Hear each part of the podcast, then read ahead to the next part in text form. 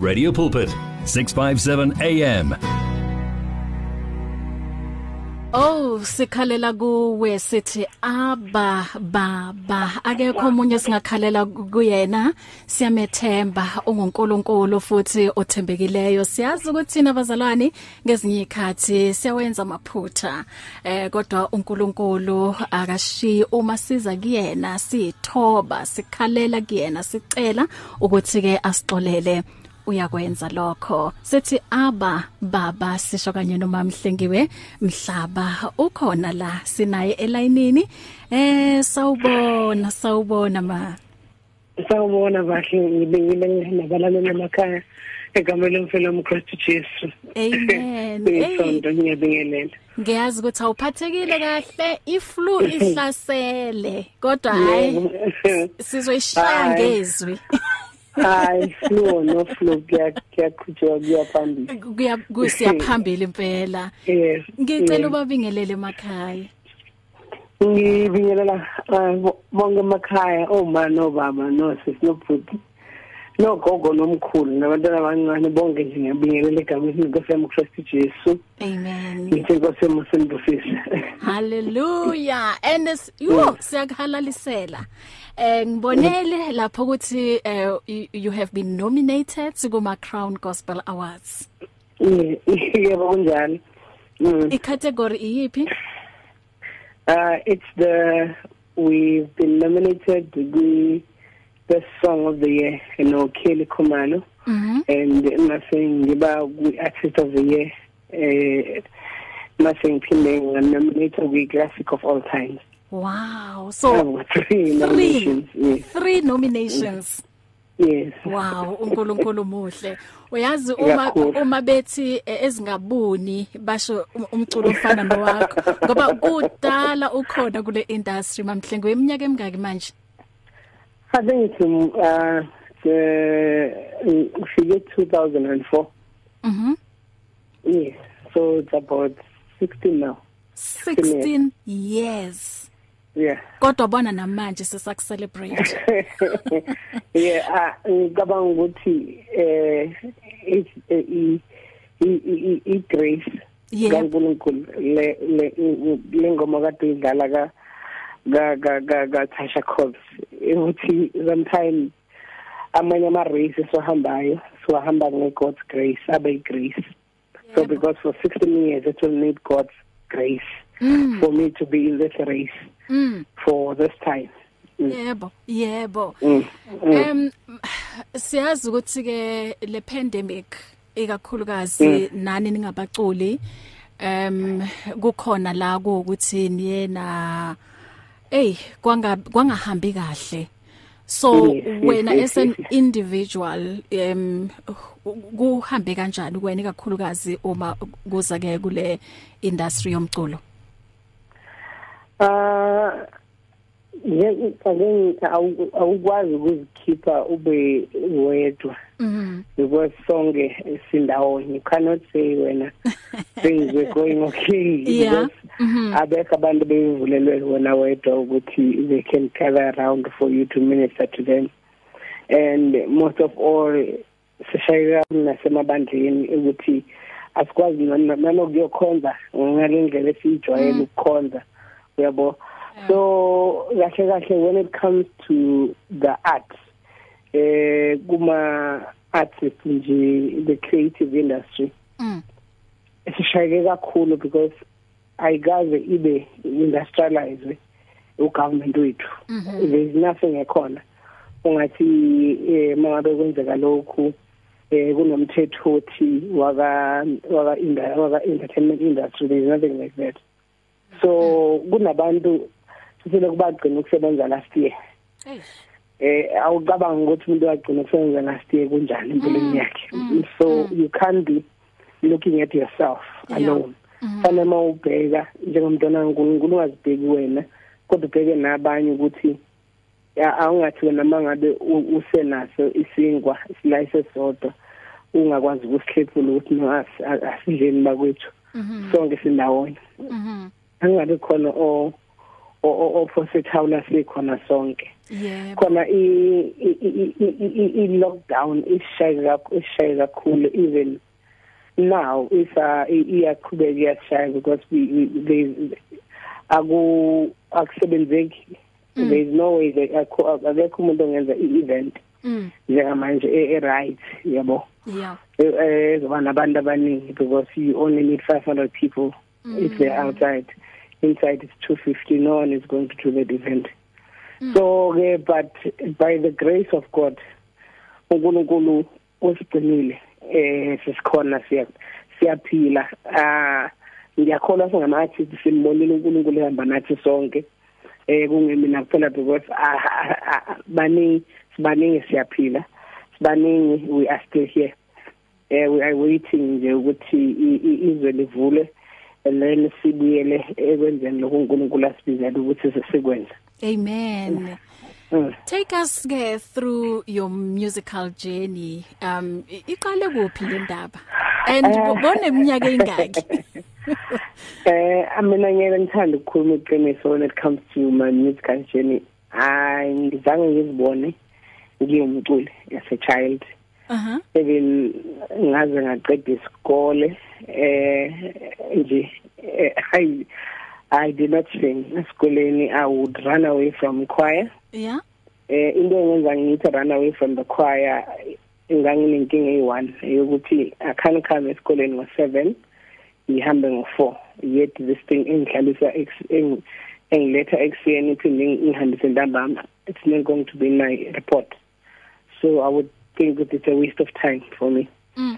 indaba zokuthi ngizofika ekseni Yeah. ngo7 Uh-huh. ngiphume ngo4 so i would always nje ngiubalekele um indaba ngomculo Ah. then uh mangifike eTertiary and then I got saved when I got saved I didn't understand ukuthi uh what is going on it would be like uh eh kune roster ukuthi today so and so is sitting choruses so and so is an MC so and so is an then one day I was leading choruses I had never led any chorus in my life. I I remember ngisetheshari la ngiyatshela umnyisi ngathi yazi I've got these choruses ngizocela ungiqalele because I'm not too sure about the key. Yeah. eh because ngisaba ukuthi ngizoqala i-key ibe phezulu kakhulu or ibe phansi eh because ngingangakazi lutho. Then from there on that's when I started singing. Uh, from there nga bangenisa kwi-choir from the choir and then I I remember first time ngiqale ngibhalisa ukuthi ngizocula isolo. Akekho ungahlekanga eh everybody laughed. Ngibhalisela ukuthi ngizocula isolo ungakaculi yabona sathiwa nje sengizoqonda sising isolo ebahleka wonke umuntu.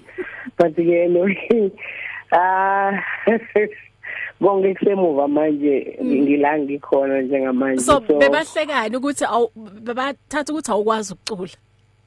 No, they had never won. When I got into the choir, Uh-huh. eh ngangicula i10.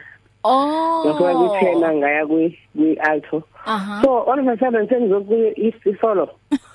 Mina, eh, it's not like you seriously. Ngibanga. Uh-huh. So it was like into ehlekisayo ngithi ayi kodwa ke angiqalanga ngingane. Kwangakona futhi nanokuthi ngiyafisa ukuba umculi eh empilweni yami.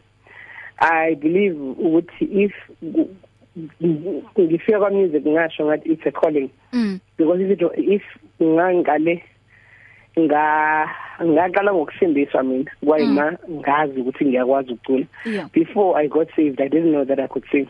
Mm. Ah ngangifana ngiyibona ngifana nabo bonke abantu nje eh abacula emacula but i didn't think that i could stand alone and sing you know it was it was it was when after i got saved Yeah. that's my journey Ngiyasithanda isitori Yeah. sakho ngoba sihlukile. Uh, Esikhathini Yeah. esiningi mawubuza umculo ukuthi wena u- u- ubone kanjani eh, o uzizwe kanjani ukuthi uyakwazi ukuhlabelela? Abaningi bazothi hayi bengihlabelela nje ngedwa ngingi ngigeza. And then lapha ekhaya balokhu bathi why wena ungayohlabelela I abanye bazothi baqale ku Sunday school. So esakho istory ngiyasithanda ngoba kuqale ngendlela ehlukile and nje bongazi nokuthi yilapho uNkulunkulu uh, be akubeke khona. Mhm. with you I I I, I remember eh there praise kala bekube khona ama chorus bese kuba khona worship akusafani manje kumele ukuthi praise and worship. Yeah. Eh i would run away from worship. Ngigijimela ama chorus uh, because i was running away from what god has called me mm. to be a worshipper because i did not understand this thing with inkulunkulu kanjani manje yawo sefana manje ngilungu worship baba enzima le nto worship Yeah. kungcono ama chorus ama chorus zidlala keyboard ishaye up tempo abantu badanse badanse badanse bemnandi kanti ngapha ku worship ayikhali mdanso yeah. Idinga wena ukuthi uphosa ama net Julian yeah. So i did not even eh ngisheshe ngiyamukele. I ran away from it mm. for some time. And then until i couldn't run away from it. Mm. i just accepted it uNkulunkulu. You called me for this. This is what i'm going to do. Yeah. But ngokusiza wena eh i'm not going to do izinto eziningi. When i got to the industry Mm. i told uNkulunkulu ukuthi uNkulunkulu um mina ngine ministry. I don't have i, i, industry. And i don't want ukuthi le ministry idlo industry yeah. So i want i, i, i rather i, i, i ministry idlo industry. Wow. Not industry idlo ministry again. So that is why I, I, I try by all means not to mangirelease i don't look at anyone. I don't look at ukuthi kwenzakalani. I just listen to what god has given me. Ngaleso sikhathi and i will sing what god has given me.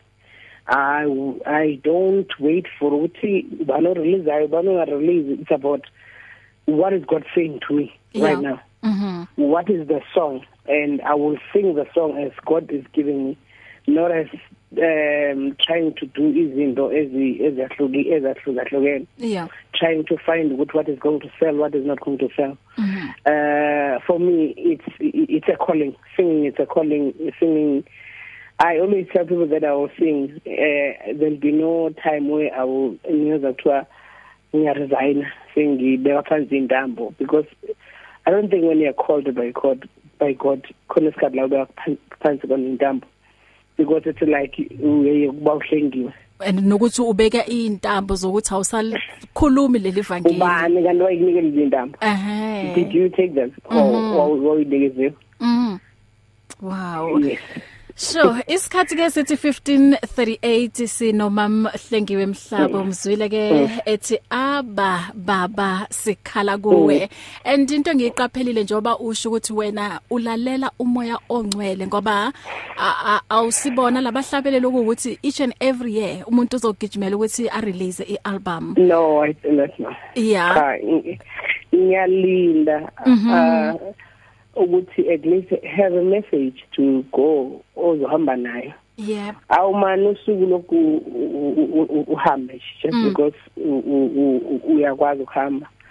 If ungakathunywa you wait until uzothunywa. So i believe until i get a message engizohamba nayo eh until uNkulunkulu azanginikeze enye then i would, I would but ukurecord almost every year. Mhlambe kwabanye uNkulunkulu is what God has told them. But for me i have to wait for him to give me something engizo efanele ngize nayo nengizoyihlabelela eh nanokuthi ngicela uNkulunkulu uNkulunkulu ngicela ngihlabelela kungabi iculo engizolihlabelela manje. Then after 2 years abantu sebeyalibala. I remember usewakhile ngangade ngicela kwamanye ama soapies akuyi a- a- adlalayo kwi TV eh ngacula ingoma ethi sewakhile enhlizweni umhlobo wami that song I- ngangiyenze ngo 2006 Wow. Wow. but i think i, that thing was slated ngo 2018 mm. everybody called me bang- bangicela iculo elisha ukuthi liphuma nini leculo Mm. and then i told them that no no kulona iculo elisha leli culo 2006 Wow. lele nithi lisha ngo 2018 Uh-huh. so eh, eh, engizama ukusho ukuthi sam- u- u- ukuma entweni le. Mm. yabona nje the way you are. Mm. you're not trying to be somebody else. Awuzami ukusakaza njengomunye umuntu. Awuzami istyle. Awuzami ukukhuluma usheshise njengomunye umuntu. Awuzami you are you. Yep. You- so you can you won't get tired of being you. Sure. and uh, ayikho into ozobulwa nayo ozobulokhu uyigijimisa ekuthini oh manje manje sishintshile lo muntu omlungiselayo nawe sefanele ushintshe Mm. so i i believe ekuthini ah ake silalela uNkulunkulu ukuthi uNkulunkulu uthini kuthina and then we do what God has said to us Mm. because you'll never go wrong whatever if anything is wrong you go to him and say uthe angenza ukuthi nakho Mhm.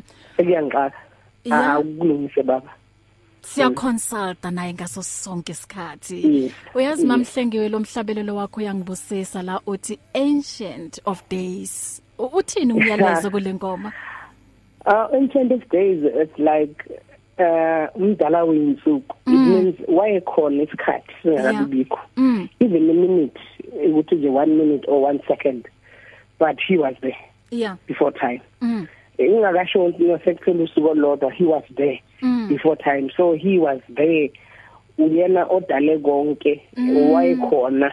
Mm. Even ukuze kuthiwe nje sekuphela inyanga, wayesekhona yena. Ungu alpha, And- ungu Yes, omega. uomega. Yes. Ah. so u-ancient of days ukuthi wayekhona Yebo. ungabe bikho isikhathi singakaqali nje nanokuthi iwashi liqale lithi eh 1 second Mm. kodwa yena wayesekhona Mm. Usesinomsa Mnguni uthi bekathe bekacele ukuthi ngidlale before uphuma la. Ng- Ngiyenza njalo. Um ancient of days. It's here. Radio Pulpit's new website is live. You can tune in at radiopulpit.co.za and enjoy crystal clear sound with just a click of a button or listen to our podcasts. Discover biblical truths in our daily devotionals and let our stories of hope inspire you. You can download our app on this new look, easy to use platform. Find your favorite program, get to know our presenters, and so much more at radiopulpit.co.za. Radio Pulpit, your daily companion. Hear the word and renew your life on 657 AM. Hey uyabona uma sothi hey Ngiyazama nami ukuthi ngilingise. Hayi kodwa ivoice iyala. hayi se usungasavuma Ungumdala ngempela eh akaguquki. Ungumda um- u- umdala weinsuku Yebo. akaguquki ungunkulunkulu ongashintshi ume njalo. Mamhlengiwe wena unkulunkulu umbonile empilweni yakho. And uh, i know ukuthi unama testimonies amaningi nje okuwukuthi uma ngingathi qala manje uyazi nakusasa singaqhubeka nje siloku sikhuluma ngobukhulu bakhe. Aw- awusiphe nje uh, one testimony lapho uthi yo uyabona bahle uma nje ngibuka la ngikhona kwamanje kulesa simo ngambona uNkulunkulu ngasibona isandla sikaNkulunkulu. Angizokhuluma nje about the accident aba iyabhalwa kakhulu. Um i-St Melmos although wa angazi babe bashintsha kanjani kwangathi iSelimpopo i-St Melmos mm. I was driving a car. Mm. mangidrive imoto uh kwakhona imoto engiphazamisayo and my yasuka from kwilane yayo. It's two lane yeza straight yini sure. Then wafanele ngigibele phezu kwe-pavement Mm. mangigibela phezu kwe-pavement yanyatheleka ngamawali accelerate. Sure. Yanyuka yayintabeni imoto sema ifika phezulu yakapsize ngithi one and a half. Yama isibuya yabuya uh sliding. With ukhakai mm on its back. Back towards the yeah with her road that nice with her road yaphinda futhi yakapsize phakathi mm yakapsize yasiyama and then my I the first thing I did was to open the door. Mm. Hayi ukuthi yenzeka yonke lento i do not um, i don't see ukuthi kwenzakalani. Ngibona yonke into ukuthi kwenzakalani. Iyagingqika And imoto awuboni ngiyabona. Oh. I, i was looking at it. Yonke into ngiginqa njengoba ngikwazi ukuyichazela because I, i could see what is going on. Ah. And uh uh ayikho airbag engaphuma ngemotweni. The So- whole young i airbag nje yaphumayo uh nje eh ukhona umzali engangimliftile naye. Ayi ngiphumele phandle. Mangiphumela phandle and ngine show ukuthi mhlambe umuntu limele ke manje. Mm. Mayithi ngiyibheka emzimbeni anginalutho. Angingasho nje scratch mm. Then ingqondo yami ibuye. Ukuthi konje bekunomuntu emotweni ngigijime ngithi ngiyangale. Kanti naye uza ngakumina naye kana scratch aha. But the car is a write off yeah ngoba ama ebheka aphumile wonke. Uh the worst part of it ngangikade ngitha ngithatha ngayizolo ntambama ngo6 mm. At half past 1 mm. it was a right right off. Sure. Awuqeda ngo24 hours. Ngemoto nami so mangibuya ngiyabuya ngizomangala ngakini base ngibheka phezulu. Ngase ngithi ngiyambuka ngathi ngihluleke ukwehluleka empilweni yami. Mm. that's what i said. I had never seen imoto iginqika nabantu bephenduke nabo and they they come out bengena scratch. Lutho. I'm talking about the scratch me aha as anginaso scratch angisazi sure i did not even have any internal injuries. Mm. I did nje awayi ngaye esibhedlela bangichecka ngasekuseni ngabuya ngaze ekhaya but it was written ukuthi ngophele ngaphakathi of which ngase sengisekhaya sengihlalile ekhaya ukuthi ayikho nami into engizoyisho ayi ukuthi ngikhaba zalala ngisana ukuba uNkulunkulu ube kanye nami. Lapho ngambona ngathi yabo bengihlale ngithi ngiyabonga moyingcwele ngizile uhamba nami. Umangaliso wena kule ndlela ngiphethe kahle isandla sami. Mm. That day ngambona. Ngathi ngibonile kule ndlela. Awuya ngokuyangimangalisa ngathi ya but i had to look up and and i told him that iyehluleka ukwehluleka empilweni yami. You are failing to fail in my life. Amen. Oh, what a mighty God we serve. Mamhlengiwe kule mizuzu embalwa esele ithi sivulele incingo eh sizwe ukuthi lapha ekhaya mhlawumbe bayathanda ukuthi ke bakhulume nawe. Um 0123341322 ungashaya ucingo. Uma ke uthanda ukukhuluma noma Mhlengiwe noma ushayele ku 012 eh 3338699 0123341322 noma ungathumela iWhatsApp ku 0826572729 eh ungayithumela i voice note. Asilalele yokuqala lana nansi i voice note. Hallo mmebahle le kae le mmehlengiwe mo re teng ngwaneso. Jo mmino wa mmehlengiwe mhlaba e sale o mblessa ho tloha ha ke qala ho bana le yena di-ceding tsa ka mara dipineng tsohle tsa hae ntse ke blesswa ke rock of ages. Yo ka mehla le mehla ha e bina e ka re nka lla. Hei pina eno no mme bahle e nkutlwisa bohloko haholo. E moyeng wa ka ka mehla le mehla. E mo seding ya number 16 016 ntse ke e ratele ka jeno lena ho dwala lane e rock of ages. Ke a leboha bathong. Mme hlengiwe o re blessa ka mehla o phamisa moya wa rona. Ene re mo lakaletsa katleho le mahlonolo ka mehla le mehla ntse re mo rata ka mehla le mehla mmino wa hae wa go hlonolofatsa amen. Amen. Amen. Ngiyabonga kakhulu ngathi inkosi ngambusisa nkosi yami. Oh uyasizwa isizothu ngiyezwa. Inkinga ukukhuluma. I can't ngiyahluleka.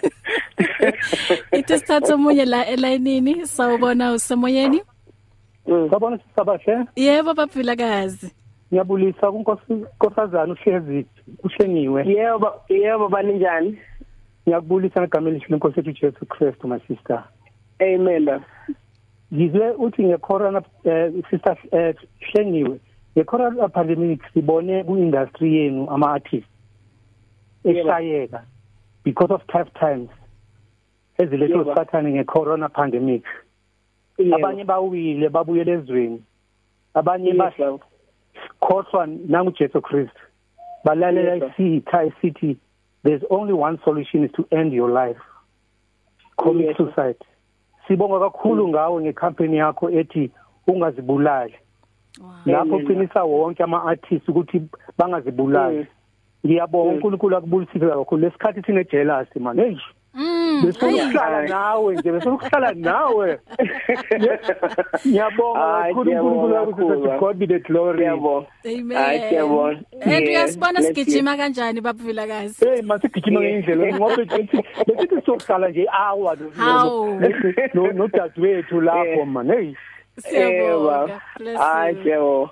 thank you Hayi sizoqhubeka noku- noku- nokulekelelana. Amen. thank you Yeah. sister Mamhlengiwe um ubaba njengaba saka akhulume ngale campaign um yini kwenza ukuthi nawe ube ingxenye yayo ungazibulali campaign Ah ungazibulala icampaign akube kulula ukuzibulala. Mm Eh eh I've tried it. Eh ngake ngakuzama so ngiyazi ukuthi kulula kangakanani. Oh. and unfortunately ah kwesinye isikhathi ngenxa yokuthi siyakholwa. Mm mm. Siye asiyele singafuni uku- uku- uku- ukuvuma leli leli vesi ukuthi uxoxele omunye umuntu ukuthi yazi sibani bani i am weak njengamanje. Yeah angisakwazi ukuya phambili sengifuna ukugive up. So mina i just want to be out there and as much as uNkulunkulu eh eh eh, engisebenzisa as much as uNkulunkulu ehamba nami. Mm. But i've been there. Ngiyakwazi how does it i know how it feels. Yeah. It's not a strange thing. It's not like wena mangabe ufila kanjalo uNkulunkulu sekulahlile. Yeah. Kodwa you need us ukuthi sizoma endawo sizoma nawe sithi bekezela kuzodlula. Abu ayikho into engadlula. Ungazibulali campaign is for that. We want to stand with those people abadlula eyimeni obonayo ukuthi nawe athi mayibheka ka left akawubona indlela right akabona bheka phambili nasemuva akabona but udinga nje umuntu oyiwani ozoma naye athi i believe in you. Yeah. Athi ngizoma nawe. Mm. Whatever whatever it takes i'll stand with you. Amen. That's what ungazibulali campaign stands for ukuthi ungazibulali nathi sikhona ene kuhle ngokukhuluma nomuntu okuwukuthi naye wandlula lapho ngoba uyazi ukuthi lo muntu lo kwenzakalani ngaphakathi kwakhe engqondweni. So uyakwazi nanokuthi if you tell people ukuthi khona umunye ungathi hawu hey ngalesi sigcwele umoya kaNkulunkulu kangaka ngicabanga kanjani into efana kanje i- it's possible mntasekhaya aha. This is life. Mm but ingakho eh eh mangabe lo owayigadi iboshwa eh ebona ukuthi selivulekile ikuvulekile kwathiwa ungazibulali sikhona sonke siphelele because into eyifana nalezi mangabe khona ikhathi engifikayo okufisa ukuthi ise- sengiphelelwe yikho konke empilweni yakho kube khona abantu bazothi ungasi- ungazibulali sikhona sonke yeah mm Mm. okay ngicela ukundlula ngala masinya ngizobuya ngamanye ama voice note It's more than radio, it's a way of life. It is 657 AM. If you need prayer, please send your request to prayer at radiopulpit.co.za or WhatsApp 067 429 7564 or go to Radio Pulpit website on www.radiopulpit.co.za. ngicela silalele nansi enye voice note. Hayi sisibongile no mamhlengiwe ninjani? Yo yazi lo mama loyo. Wangisindisa ngo2010 ngangiyowenza ioperation. Ngavuswa ngo3 ekseni azange bathole igazi lami. I have ukuthi ngiyabacela ngathi ngi- ngipheni isikhathi ngiyokhuleka ngaphandle. Angibe ngasabi isibhedlela ngaleso sikhathi ngaphuma ngayokhuleka ngabuya ngabanika isandla balithola igazi. Bathola yonke into bafaka ne- nemisipha bafaka nama-trip. Ngithe ngila endleleni ngeva ukuthi ngiphelelwa amandla. Ngathi kunelizwi elithi don't give up. Ngithi hhayi ngiyanikezela. Yo wahlabelela lo mama ngamuzwa wathi kuyondlula izulu. Nomhlaba hey wangisingisa Amen. lo mama ngiyamthanda nabazukulu bami Amen. ngiyabatshela ngithi hey lo mama lo Amen. angifuni next ngayi ngale ngale voice yakhe ohoshozela Amen. njengela nama ngikwazi ukucula ngenye indlela sesi ngicula ngale hosho hosho Amen. ngiyathanda sem bye Yebo. Amen. Siyabonga, Amen, Siyabonga. baba. Siyabonga kakhulu. Nansi enye message lana. Uthi hi sister Bahle and sister Hlengiwe. Siyabonga ngomusic wakho eh Mm. sister Hlengiwe uyangibusisa. And ikakhulukazi ngithanda umyalezo wakho uhamba nezwi likaNkuluNkulu ngomama. Ayanda Dube ungaleke estandard 10 Siyabonga, Nzabeth. nangu ke omunye la uthi greetings made servant of God mamhlengiwe is our blessing in this country. May God continue to bless and navigate her until his purpose about her become fulfilled. Enye imessage lana ithi how are you? Uh, okay s- ah ngisiyena umpostoli bazalwane. Bathi bathi hi um, apostle bahle. Ah, yebo mpostoli. Yebo mpostoli. Mukuphika mpostoli. Uthi Yebo pl- David. uthi please pass my message to Mamhlengiwe I love her music and uthi uyangblessa kakhulu. Can can she just sing 3 or 4 lines of the song? Ungiphethe kahle moya ongcwele pro, from Pastor Johannes Ngwenya uh, known as umfundisi ozithulele emalahleni. Hawu umfundisi Yeah. oyithulele. Okay omunye uthi hi sis Bahle siyabonga. Uyangibusisa umam Hlengiwe yena ungaleke eCarltonville eKhutsong uthi God Amen. bless you mama eh umam Bless you Debra ubuyile futhi ngemessage la uthi mehle mehlengiwe music comes from the heart uthi many Amen. gospel singers sing for money there is holy spirit in her music from Amen. Medebra ungaleke yena Mm. eval uthi let her continue blessing Amen. us. So mamhlengiwe ngizwile u collaborate no Kelly Khumalo. Kusese nabanye abaculi ongathanda ukuthi uhlabelele nabo. Ha i-collaboration yami no Kelly Khumalo I know ukuthi it was just a shocker for abantu abaningi ukuthi Mm. they, never saw it coming. And nami uqobo lami um ngikhumbula into engenze nga collaborate no no no, no Kelly mm. There was a day wayekade enze ishow eSoweto Theatre and she was crying in the morning. Mm. Eh ku Instagram ekhala ethi aka understand ukuthi uNkulunkulu umfunani negospel. Hmm. and um umoya wami was very touched with uNkulunkulu is doing something in her life Yeah. but sizobukela thina singafuni ukusondela eduze kwakhe. Mm. Kuthe makuvela ithuba lokuthi acele ukuthi ngi- ngi- ngi- ngi- ngihlabelele kanye naye ngathi cha ke baba yilo leli thuba owawulidinga owangitshengisa lona ngathi cha angizuliyeka nje mm. Sahlabelela but into into into emangalisayo ukuthi sihlabelele naye singazani kahle nje okay sasaqeda Wow. sayiqeda ingoma Mm. wayihlabelela egoli ngayihlabelela eThekwini mm. So size sabonana ingoma sesayiqeda wow. Wow. And eh, ngiyafisa ukuthi njengebandla sesisuke sa sa sa sa sangakwazi ukuphuma siye kwabanye abantu to Mm. touch other lives. Sesithande kakhulu ukuphila sodwa sangafuna ukuphumela phandle ukuthi kahle kahle thina sinye ukuthi siyobalanda. Mm mm As- azange mm, si- as- asikholelwanga ukuthi sihlale emabandleni. Yeah. Sihlalela ukuthi siyobalanda. Mm. Maningi ama collaborations a- a- a- a- engisazowenza. Mangabe nje eh esaphakamisa nje uNkulunkulu sathi uNkulunkulu uphakeme iqhaza Yeah. kube ngikhona lapho. Ayiko kunye cha ang- angizotholakala. Mm. Kodwa nje ngiyafisa ukuthi sifike la esikwa- e- esikwazini khona ukuthi samukele abanye abantu sikwazi uku- ukulishumayela ivangeli hayi ngokukhuluma but Yeah. silishumayele nangenkambo yethu. Mm. Bathi nabanye abantu mabesibuka babona inkambo bathi okay lento kuyaphileka kuyona. Yebo. Mm. Wow. Okay, umama lo bekathi em wababusisa. Oh, uthi bowuse Carltonville ebandleni lika Bishop Ndlebende. Yilapho ke wababusisa khona. eCarltonville. Okay, Yebo. bengingafundanga kahle. Yebo, Yeah. ah Mhm. No umuntu iya- umuntu uyahamba phela ahambe ekhonza Eh.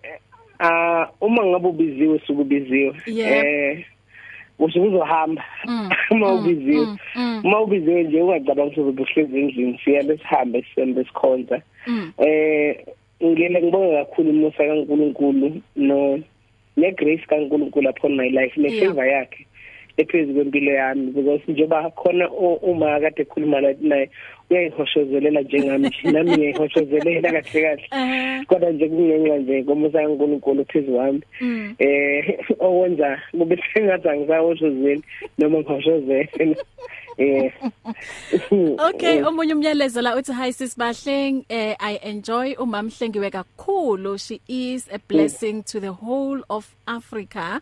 Uthi uthanda Mm. kakhulu lengoma ethi Let Your Living Waters. Uthi oh, her voice. Amen. I love it. Uthi God bless her and keep on Amen. spreading the gospel through your music, mom. Uthi ulalele Mm. ungaleke eLanzeria. Asi Amen. asiphinde silalele futhi naye ivoice note eyogcina lebazalwane. Hayi sibahle noma mhlengiwe. Siyabusiseka mamhlengiwe yazi ngezinsuku zonke. More especially ingoma le ethi siyabonga moyo ingcwele. Ha, Mm. mase sikulingisela sibusiseka every day. Wow. Emotweni abantwana baze bathi ha mama uhlengiwe kubuya kubona kuthi nje icassette olidlalayo eyahlengiwe. Thina sibantu bamacassette. yebo yebo yebo Thank hayi you, siyabonga Mama. Mm. siyabonga ma bengithi ngiyagcina nayo yokugcina le yokugcina ngci. awusisibahle ungasho ukuthi i-voice note yokugcina kanjani uphethe isithandwa sezulu uma mhlengiwe yo ngithanda ingoma yakhe yokucala i will serve no foreign god Amen. Ah. angikwazi Mamsengiwe ithi ngikudedele uyazi sibonge kakhulu ukuthi usinikeze isikhathi ngibonga sakho. mina kakhulu Em, ngibonga us- mina kakhulu usibusise kule ntambama. Hayi cha mina ngisazi. Nansi enye voice note mamhlengiwe. bahle gcina ngami sisi siyabonga uNkulunkulu umuhle osithumelele ukuthi ubize uhlengiwe uzoba naye. Siyawubonga Amen. nalomusa ongaka wokuthi asondeze ukheli. uNkulunkulu ambonise ukuthi ukheli amsondeze eduze naye ngoba nkosi yami izinto ziningi ezenzakalayo esizibonayo. Kodwa nkosi yami siyabonga ukuthi uNkulunkulu uyamthinta umuntu umuntu wakhe athumele ingelosi ukuthi izomsindisa siyabonga nangomusic omuhle obusisanayo wakahlengiwe Bye. Amen. Eh ubaba Amen, la ma. uthi yena ubusiswa ile ngoma ethi siyakudumisa and mamhlengiwe bathi ngindlulisa umyalezo la bathi uyathandwa elisuthu.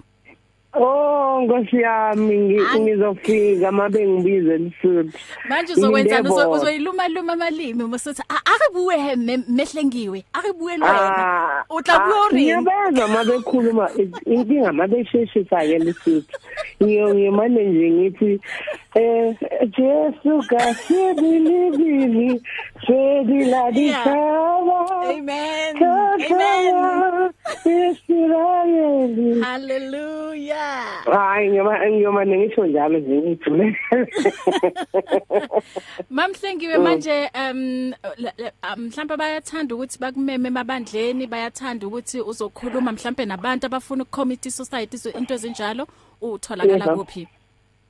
Eh ngiyatholakala ku 083 Mhm 504 mhm 1781 ngicela uyiphinde 083 504 504 1781 noma 1781 81 noma ku 072 mhm a double six seven mhm 2764 2764 yes. Bangathumela iWhatsApp message lapho and then Yeah. basho ke udaba ukuthi bangathanda ukuthi bakumeme kuphi. Yes yes yes. Oh thank you so much. Ba noma ku noma kuukuthi ke iflu ithi kuhlasela kancane kodwa bacelile ukuthi uhlabelele one or two lines yale ngoma sithandwa sami. Yabonga moyo wethu. Ah. Izilade uhamba nami. Umangaliswa nguwe kulendlela eh ungiphethe kahle sithandwa sami ah.